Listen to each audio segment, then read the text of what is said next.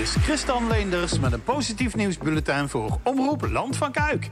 Beste mensen, vanmiddag had ik alweer een positief momentje toen ik boodschappen mocht gaan doen.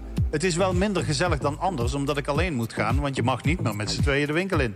Dat is overigens wel om heel duidelijke en begrijpelijke redenen. Want omdat iedereen een winkelwagentje moet nemen, kan prima bijgehouden worden hoeveel mensen er in de winkel zijn.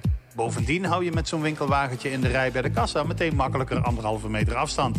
En je maakt weer eens een praatje. En zo kun je redactielid Martijn, weliswaar via zijn echtgenote, bedanken voor alle goede tips voor positief nieuws.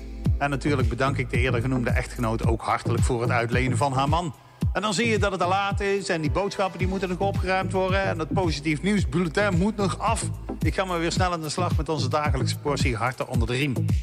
We beginnen met babynieuws. Daphne en Michael van Gerwe, de darter, waren al trotse ouders van dochtertje Zoe. Maar op 1 april, en dat is geen grapje, plaatste Michael een foto op zijn Twitter-account van een wolk van een pasgeboren baby met de tekst: My wife did really well. Mijn vrouw heeft het fantastisch gedaan. Mike, welcome to the world. Mike, welkom op de wereld. Met de hashtags baby, boy en supermom. Het is dus een jongen geworden. Hij heet Mike en als je hem wilt zien, en dat wil je, want het is echt een mooi manneke... Google dan even of kijk op Twitter bij MVG180. Een groep Nederlandse backpackers op het eiland Palawan in de Filipijnen is op wel heel bijzondere wijze teruggekeerd naar Nederland.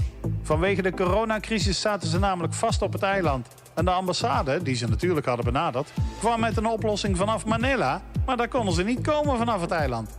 Goede raad was duur en de uiteindelijke oplossing ook. Maar ze hebben het wel voor elkaar gebokst. Want ze zijn ter plekke hun eigen vliegtuigmaatschappij begonnen onder de naam Dutch Airways 2020. Ze hebben alle administratie geregeld en zo zelf als opdrachtgever een vliegtuig gecharterd om op die manier alsnog naar Manila te vliegen, waar ze de laatste vlucht van de Nederlandse ambassade konden halen. We hebben weinig van de Filipijnen gezien, maar wel heel veel beleefd, al dus de backpackers. Vanuit het Alrijne ziekenhuis in Leiderdorp is onlangs een eenjarig meisje ontslagen om thuis aan te sterken van een coronabesmetting. Het meisje werd half maart ineens ontzettend ziek en na een week moest ze met spoed naar het ziekenhuis omdat ze positief was getest op corona.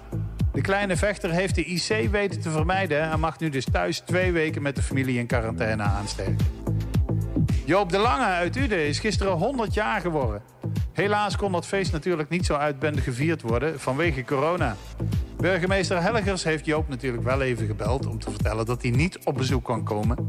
Maar Joop is wel heel blij met alle verjaardagskaartjes en telefoontjes die hij heeft mogen ontvangen. En verder is hij er heel erg nuchter onder en zegt dat hij dat knalfeestje gewoon volgend jaar wel viert. Tot zover uw dagelijkse hart onder de riem in de vorm van wat positief nieuws. En u weet het, ook voor dit positieve nieuwsbulletin geldt dat we het samen moeten doen. Net als de bestrijding van het coronavirus. Dus weet je positief nieuws? Geef het dan aan ons door.